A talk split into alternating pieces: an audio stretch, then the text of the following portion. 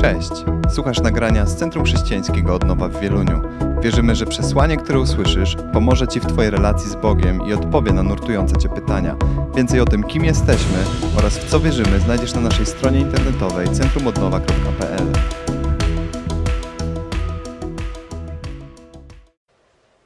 Dzień dobry.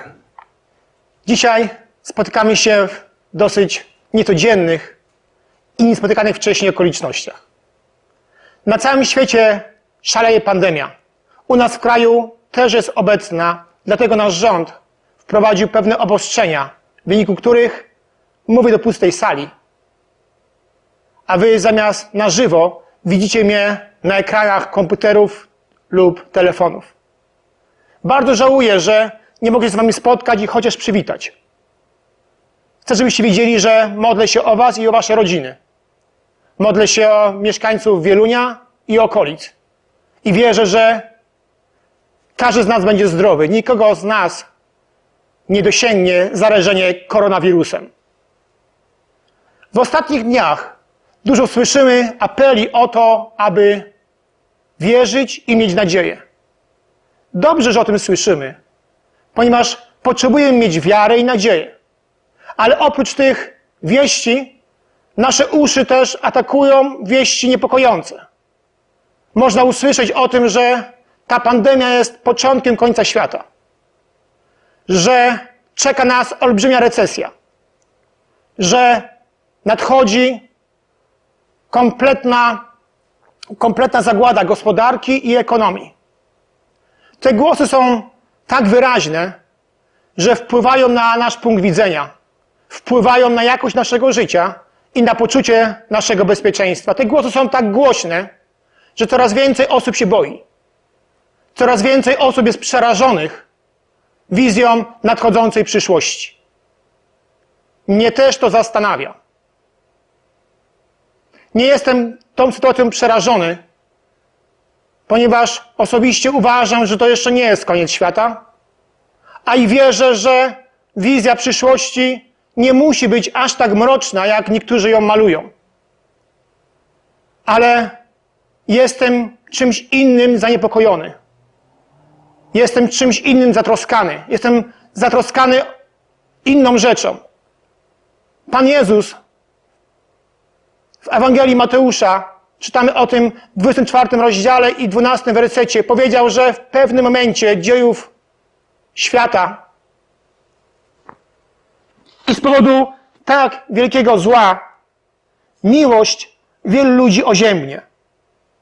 Jestem zatroskany, boję się o to, że w obliczu tak wielkiej pandemii, tak wielkiego zła, miłość wielu ludzi oziębnie, a gdy to się stanie, skutki i konsekwencje będą dużo większe niż pandemia koronawirusa i upadek gospodarki i ekonomii.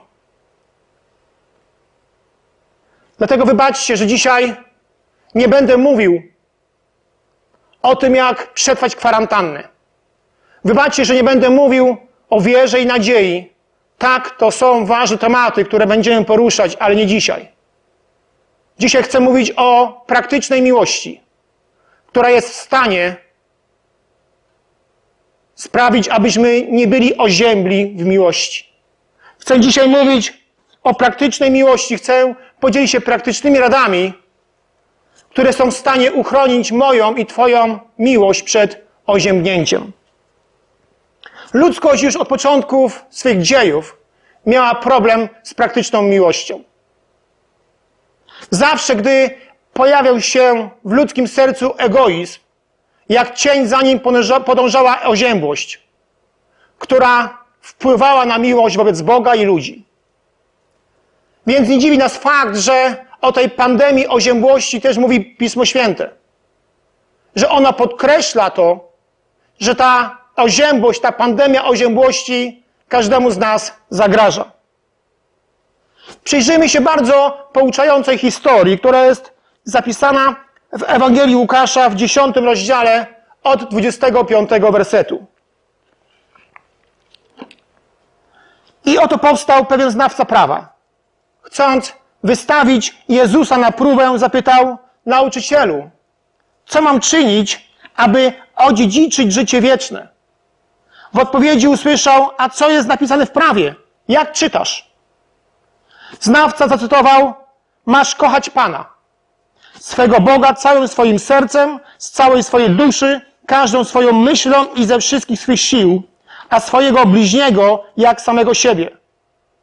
Odpowiedziałeś poprawnie, podsumował Jezus. Tak postępuj, a będziesz żył. On jednak dla usprawiedliwienia samego siebie zapytał Jezusa, a kto jest moim bliźnim? Na początku tej historii czytamy o spotkaniu Jezusa z tajemniczym człowiekiem. Tajemniczym dlatego, że nie znamy jego imienia. Wiemy tylko, że był znawcą prawa, co oznaczało, że był osobą religijną i wykształconą, gdyż od najmłodszych lat studiował zawiłości prawa. I tym się charakteryzował, że to prawo znał. A więc Jezus spotyka się ze znawcą prawa, który zadaje mu pytanie na temat życia wiecznego. Czytamy w tym fragmencie, że wystawia Jezusa na próbę, ale do końca nie wiemy, czy chodziło mu o ogólną opinię na temat życia wiecznego, czy też on sam był tym zainteresowany. Jakkolwiek zadaje ponadczasowe pytanie. Co mam czynić, aby odziedziczyć życie wieczne? Innymi słowy pyta, co mam zrobić, aby być zbawionym? Przyznacie, że to pytanie jest bardzo interesujące, a odpowiedź w niespokojnych czasach, szczególnie w niespokojnych czasach, zyskuje na wartości. Pan Jezus, jak to często miał w swoim zwyczaju, odpowiada pytaniem na pytanie. A co jest napisane w prawie? Co czytasz? Co w niej przeczytałeś? Znawca zacytował fragment z Pisma Świętego mówiący o dwóch najważniejszych przykazaniach. O miłości wobec Boga i miłości wobec człowieka. Jezus na to mówi, super, pilnuj tego i tak postępuj, a będziesz żył. On jednak nie odpuszcza. Widzi sobie braki i zadaje kolejne pytanie. Kto jest moim bliźnim? Inaczej mówiąc, znawca prawa pyta, kogo mam kochać? Kim są ci, których mam kochać? To pytanie nie jest całkowicie pozbawione sensu, ponieważ w tradycji żydowskiej bliźni to przyjaciel, krewny albo rodak. Być może uczony w piśmie spodziewał się, że Jezus odpowie: kochaj swoich najbliższych, rodzinę, sąsiadów, swój kraj. A wtedy on powie: ale ja tak czynię. Jednak taka odpowiedź z ust Jezusa nie padła. I znawca prawa nie miał okazji powiedzieć o rozmiarze i wymiarze swojej miłości. Nie ulega wątpliwości, że nikt, nikt z nas nie może kochać wszystkich tak samo. Najbardziej kochamy tych, którzy są nam najbliżsi. Ale przy tej okazji należy sobie zadać pytanie, czy, mimo, czy moja miłość dosięga też kogoś spoza grona najbliższych? Czy moja miłość dosięga tylko przyjaciół, rodzinę i znajomych, czy też także kogoś spoza tego kręgu? Czy bezdomny to mój bliźni? A co z alkoholikiem, biednym czy chorym? A co z Żydami, Afroamerykanami czy gejami? A czy nosiciel COVID-19? Ten bezmyślny podróżny, który wrócił z czasów z Hiszpanii i zaraża koronawirusem, jest ciągle moim bliźnim? Czy też już raczej z powodu tego, co zrobił, wypadł z tego grona? Ten fragment zmusza nas do tego, abyśmy się zastanowili nad pytaniem, kto jest moim bliźnim i kogo mam kochać. Moi drodzy, proszę, nie, bagatelizuj, nie bagatelizujcie tego pytania. Wbrew pozorom te pytania nie są banalne, bo od odpowiedzi na te pytania zależy wymiar i rozmiar Twojej miłości. W dalszym ciągu tej rozmowy Jezus odpowiada na, na to pytanie zadane przez znawcę prawa. Jednak znowu nie udziela oczekiwanej odpowiedzi. Nie odpowiada w sposób klarowny i przejrzysty, odpowiada w sposób przypowieści. Odpowiada przypowieścią. Czytajmy tą historię do końca. Pozwólcie, że czytam ją z tabletu, po prostu jest tutaj większa ściąga. Ewangelia Łukasza, 10 rozdział, od 30 wersetu. Jezus podjął ten wątek i powiedział, pewien człowiek schodził z Jerozolimy do Jericha. Po drodze wpadł w ręce zbójców, którzy go ograbili, pobili i uciekli, zostawiając bliskiego śmierci. Przypadkiem jakiś kapłan schodził właśnie tą drogą. Gdy zobaczył nieszczęśnika, przeszedł na drugą stronę i odszedł. Podobnie było z Lewitą. Przechodził tamtędy, zobaczył go, przeszedł na drugą stronę i oddalił się. Natomiast pewien Samarytanin, który też tamtędy podróżował, podjechał do niego i ujrzawszy, ulitował się nad nim. Podszedł, obandażował mu rany, polał oliwą i winem, wsadził go na własne zwierzę, zabrał do gospody i roztoczył tam nad nim opiekę. Nazajutrz udał się do gospodarza. Zapłacił dwa denary i powiedział, zadbaj o chorego, a cokolwiek ponadto wydasz, wyrównam w drodze powrotnej. Który z tych trzech, twoim zdaniem, okazał się bliźnim człowieka, który padł ofiarą rozboju? Znawca odparł, ten, który się nad nim zlitował. Wtedy Jezus powiedział, idź i postępuj podobnie. A zatem pewien człowiek, prawdopodobnie Żyd, szedł z Jerozolimy do Jericha i wpadł w ręce zbójców. Niewiele osób w, tamtych, w tamtym czasie było tak odważnych, aby pokonywać tą drogę. Samotnie. Droga długości około 30 kilometrów zwana była krwawą drogą albo drogą krwi. Była to trasa wąska, kręta, niebezpieczna i pełna zbójców.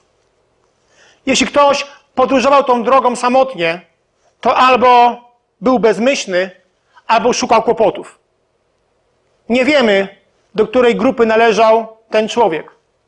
Ale wiemy, że Pan Bóg przez tą historię chce nam coś przekazać. Pan Bóg przez tą historię chce nam przekazać, że istnieje antidotum na to, aby Twoja miłość nie oziębła. I podaje nam w tej historii wskazówki, w jaki sposób możemy kochać ludzi w praktyczny sposób. Pierwsza wskazówka brzmi: nie wykluczaj. Istotnym przesłaniem tej przypowieści jest to, że napadnięty otrzymał pomoc od człowieka, który należał do znienawidzonego ludu. Żydzi i Samarytanie trwali w konflikcie i nie było między nimi żadnej relacji. A więc myślę, że przez tą historię Pan Bóg mówi, że w miłości nie chodzi o to, aby kochać tylko tych, z którymi łączy ci pochodzenie. Kultura, wartości czy poglądy. Pan Bóg przez tą historię mówi, że powinniśmy kochać ludzi i cenić ich bez względu na pochodzenie, kulturę czy wartości. Moi drodzy, już czas zrozumieć, że każdy, że każdy człowiek został stworzony na obraz i podobieństwa Boga. I każdy człowiek jest inny i na swój sposób unikalny. Ludzie nie pochodzą z taśmy produkcyjnej. Wszyscy jesteśmy jedyni w swoim rodzaju. Nie ma dwóch osób o takich samych liniach papilarnych. Nie ma dwóch osób o identycznym brzmieniu głosu. Różnimy się DNA. Różnimy się różnymi cechami. Jesteśmy bardzo różni, ale to nie wyklucza tego, abyśmy się kochali. Nasza wyjątkowość jest przez naukę potwierdzona. Jest to fakt, że jesteśmy, każdy z nas jest unikatem. I że powinniśmy każdego człowieka traktować tak, jak Pan Jezus traktował ludzi. W Ewangeliach czytamy, że Jezus traktował ludzi wyjątkowo. Czytamy o tym, że Jezus kochał grzeszników, kochał celników, kochał trędowatych, bardzo cenił kobiety i przytulał dzieci. Obecny czas, w którym przyszło nam żyć, jest właściwym momentem do tego, aby Twoja i moja miłość była jeszcze bardziej wyraźna, jeszcze bardziej głośna, jeszcze bardziej wymierna. A więc dostrzeż sąsiada. Być może potrzebuje, abyś zrobił mu zakupy. Dostrzeż kasjerkę w sklepie. Pracuje pod olbrzymią presją i Twoje dobre słowo, uśmiech i zapewnienie o tym, że się o nią modlisz, naprawdę może jej pomóc. Obecnie prawo zabrania nam przebywać w większym gronie, ale zachowując środki ostrożności, ciągle możesz się spotkać z jedną osobą, której możesz pomóc. Prawo nie zabrania nam dzwonić do innych ludzi i pytać, czy jest ok. Nie mam wątpliwości, czy to właśnie dzisiaj, jutro i pojutrze Pan Bóg chce, abyś stał się takim Samarytaninem dla innych ludzi. Abyś niósł pomoc tym, którzy jej potrzebują. Matka Teresa z Kalkuty, Kalkuty powiedziała: Gdy oceniasz ludzi, nie masz czasu ich kochać. Miłość nie wyklucza, a więc nie oceniaj i nie wykluczaj ludzi z powodu rasy, poglądów, wiary, ubioru czy zasobności portfela. Gdyż Bóg nigdy nikogo nie wykluczył. Nie oceniaj, nie wykluczaj, tylko kochaj. A więc po pierwsze nie wykluczaj, po drugie dostrzegaj. Czytaliśmy w tym fragmencie o tym, że Samarytanin podjechał i ujrzawszy, że Samarytanin podjechał do niego i zobaczył. Wielu ludzi patrzy i nie widzi. Zarówno kapłan, który sprawował w Izraelu jedną z najważniejszych funkcji, jak i lewita, który, którego zadaniem było to, aby pomagać kapłanom w świątyni, patrzyli, ale nie widzieli, że ten człowiek potrzebuje pomocy. Samarytanin spojrzał i zobaczył nie wroga, który mu może zaszkodzić, ale cierpiącego człowieka. Prośmy Boga, aby otwierał nasze oczy, abyśmy widzieli tak, jak on, on widzi, bez żadnych filtrów i bez naszych wszelkich uprzedzeń. Prośmy Boga, abyśmy umieli dostrzegać potrzeby, gdyż miłość zawsze dostrzega potrzeby. Trzeci składnik leku na oziębłość nazywa się współczucie. Przeczytaliśmy, że Samarytanin ulitował się nad nim. Istnieją dwa rodzaje współodczuwania z cierpiącymi. Pierwszy operuje na poziomie emocji. Kiedy czujemy, że dzieje się komuś krzywda, to naturalnie współodczuwamy to cierpienie. Drugi rodzaj polega na przeciwdziałaniu czy na działaniu, które, którym, którym możemy pomóc osobie cierpiącej. Moi drodzy, kochać ludzi to znaczy okazywać im współczucie. Pamiętajmy o tym. Czwarty składnik tego leku nosi nazwę, nosi nazwę działanie.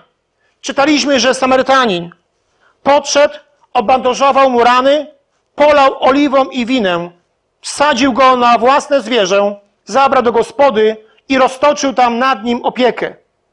Miłosierny Samarytanin poświęcił swój czas, zasoby i wygodę. Zawiózł rannego do gospody i aż do rana się nim opiekował. Najlepsza miłość to ta, która jest wyrażana w praktyce. Tego typu miłość oznacza zawsze koszt po naszej stronie.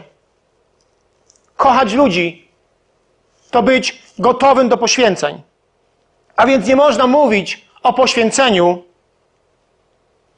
i o miłości bez poświęcenia. Ostatni składnik tego antidotum to wytrwałość. Czytaliśmy, że Nazajucz udał się do gospodarza, zapłacił dwa denary i powiedział: Zadbaj o chorego, a cokolwiek ponad to wydasz, wyrównam w drodze powrotnej. Czasem łatwo jest podjąć pewne działanie, ale wytrwanie w tym działaniu wymaga już pewnego zobowiązania. Działanie z miłości oznacza wytrwanie aż do końca. W ten sposób pokonuje się przeszkody i trudności. W ten sposób zwyciężasz, bo trwasz do końca. Kochanie ludzi nie oznacza unikanie zobowiązań. Kochanie ludzi oznacza wywiązywanie się z zobowiązań. Nie wiem, czy zauważyłeś, że my jako ludzie mamy niesamowitą zdolność do tego, aby, aby albo ludzi kochać, albo nienawidzić. Od tworzenia świata, kiedy Kain zabił swego brata Abla, człowiek decyduje, czy kocha, czy nienawidzi. Wiemy, że Bożym przykazaniem jest kochać, ale też wiemy, że nie zawsze łatwo jest kochać. Często musimy pokonywać swoje uprzedzenia, swoje urazy, rozczarowania, aby móc kogoś kochać. I gdy są momenty, w którym trudno jest mi ludzi kochać,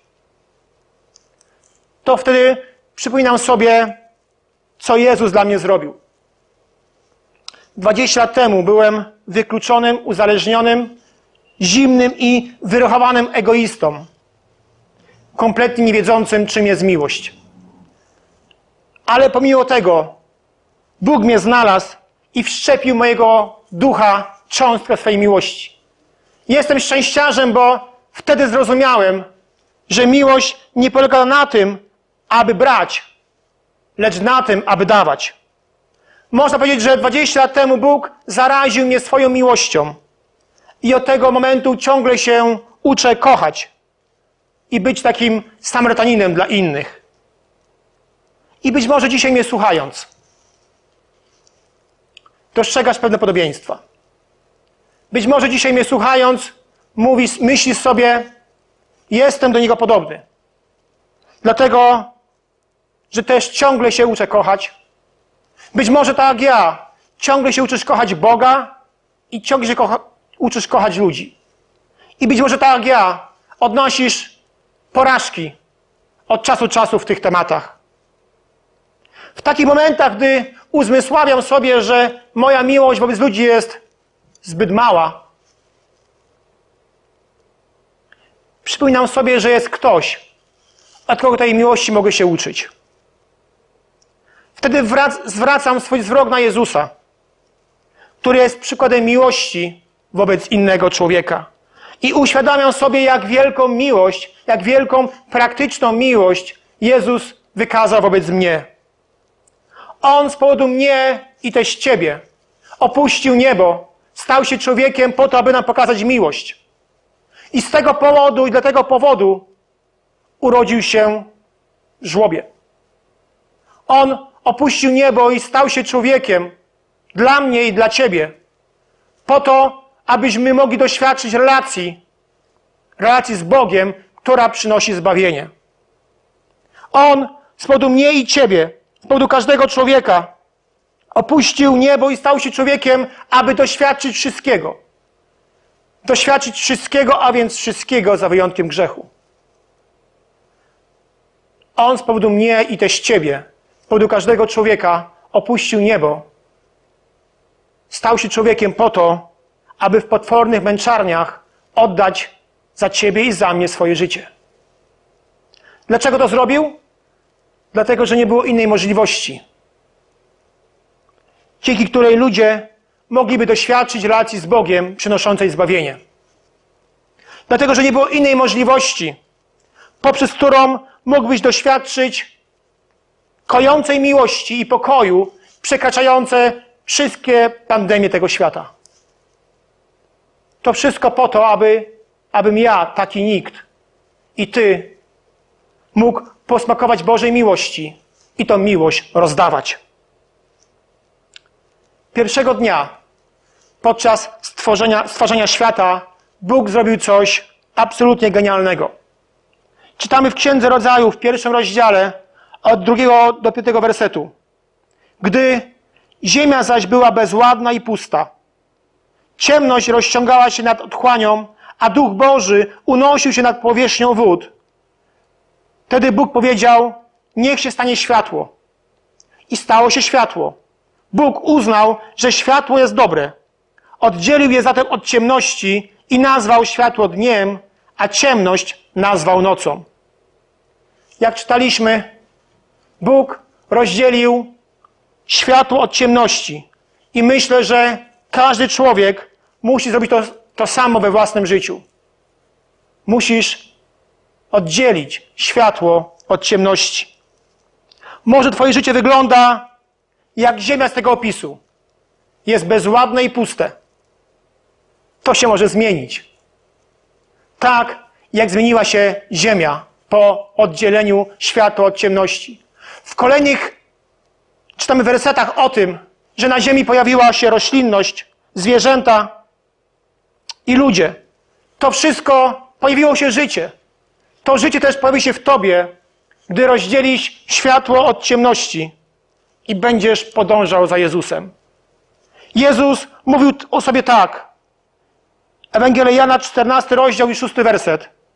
Ja jestem drogą, prawdą i życiem. Nikt nie przychodzi do Ojca inaczej, jak tylko przeze mnie. Gdy wybierasz Jezusa i gdy idziesz za Nim, to w te bezładne i puste życie Jezus wkłada Ci prawdziwe życie. Być może dzisiaj czujesz, że Twoje życie jest bezładne i puste. Być może oczekujesz różnych rozwiązań, ale gdy próbujesz, widzisz, że to się nie zmienia. Być może próbowałeś już różnych rozwiązań, wszystkich leków, wszystkiego, co wydaje się być pomocne, ale ciągle ta pustka jest większa niż była wcześniej. Być może to jest właśnie moment na to dobry, aby dzisiaj rozdzielić w swym życiu światło od ciemności. Aby rozdzielić światło od ciemności i pójść za światłością, za Jezusem. A gdy to zrobisz, On włoży w Twoje serce prawdziwą miłość i będziesz cieszył się z Jego obecności w swoim życiu. Być może dzisiaj chcesz podjąć pewną decyzję, która będzie polegała na tym, że oddaj swoje życie Panu Jezusowi. Być może dzisiaj chcesz to zrobić. Pozwól, że pomodlę się o to i poprowadzę Cię w tej modlitwie. Jeśli masz na to ochotę, to proszę pomóc się ze mną. Możesz też powtarzać za mną słowa tej modlitwy. Panie Jezu, chcę dzisiaj oddzielić w swym życiu światło od ciemności. Chcę oddzielić grzech od świętości. Wyznaję, że jestem grzesznikiem. I proszę Cię o to, abyś przebaczył mi wszystkie moje grzechy. Wyznaję, że jesteś Synem Bożym. I proszę Cię też o to, abyś stał się moim Zbawicielem. Amen. Jeśli modliłeś się tę modlitwą po raz pierwszy, zachęcam Cię do tego, abyś do mnie napisał. Znajdziesz mnie na Facebooku. Też za chwileczkę będzie adres podany mailowy. Możesz do nas napisać i podzielić się tą, tą radością z nami, że właśnie dzisiaj oddałeś życie Jezusowi. Dziękuję Wam za poświęcony czas. Mam nadzieję, że znajdziesz też czas dla nas za tydzień. Do zobaczenia i usłyszenia. Niech Bóg Cię błogosławi. Dziękujemy, że byłeś z nami. Wierzymy, że przesłanie, które usłyszałeś, zachęca Cię do bliższej relacji z Bogiem oraz poznania nas osobiście. Zapraszamy Cię do odsłuchania kolejnych nagrań, a także skorzystania z naszej strony internetowej centrumodnowa.pl.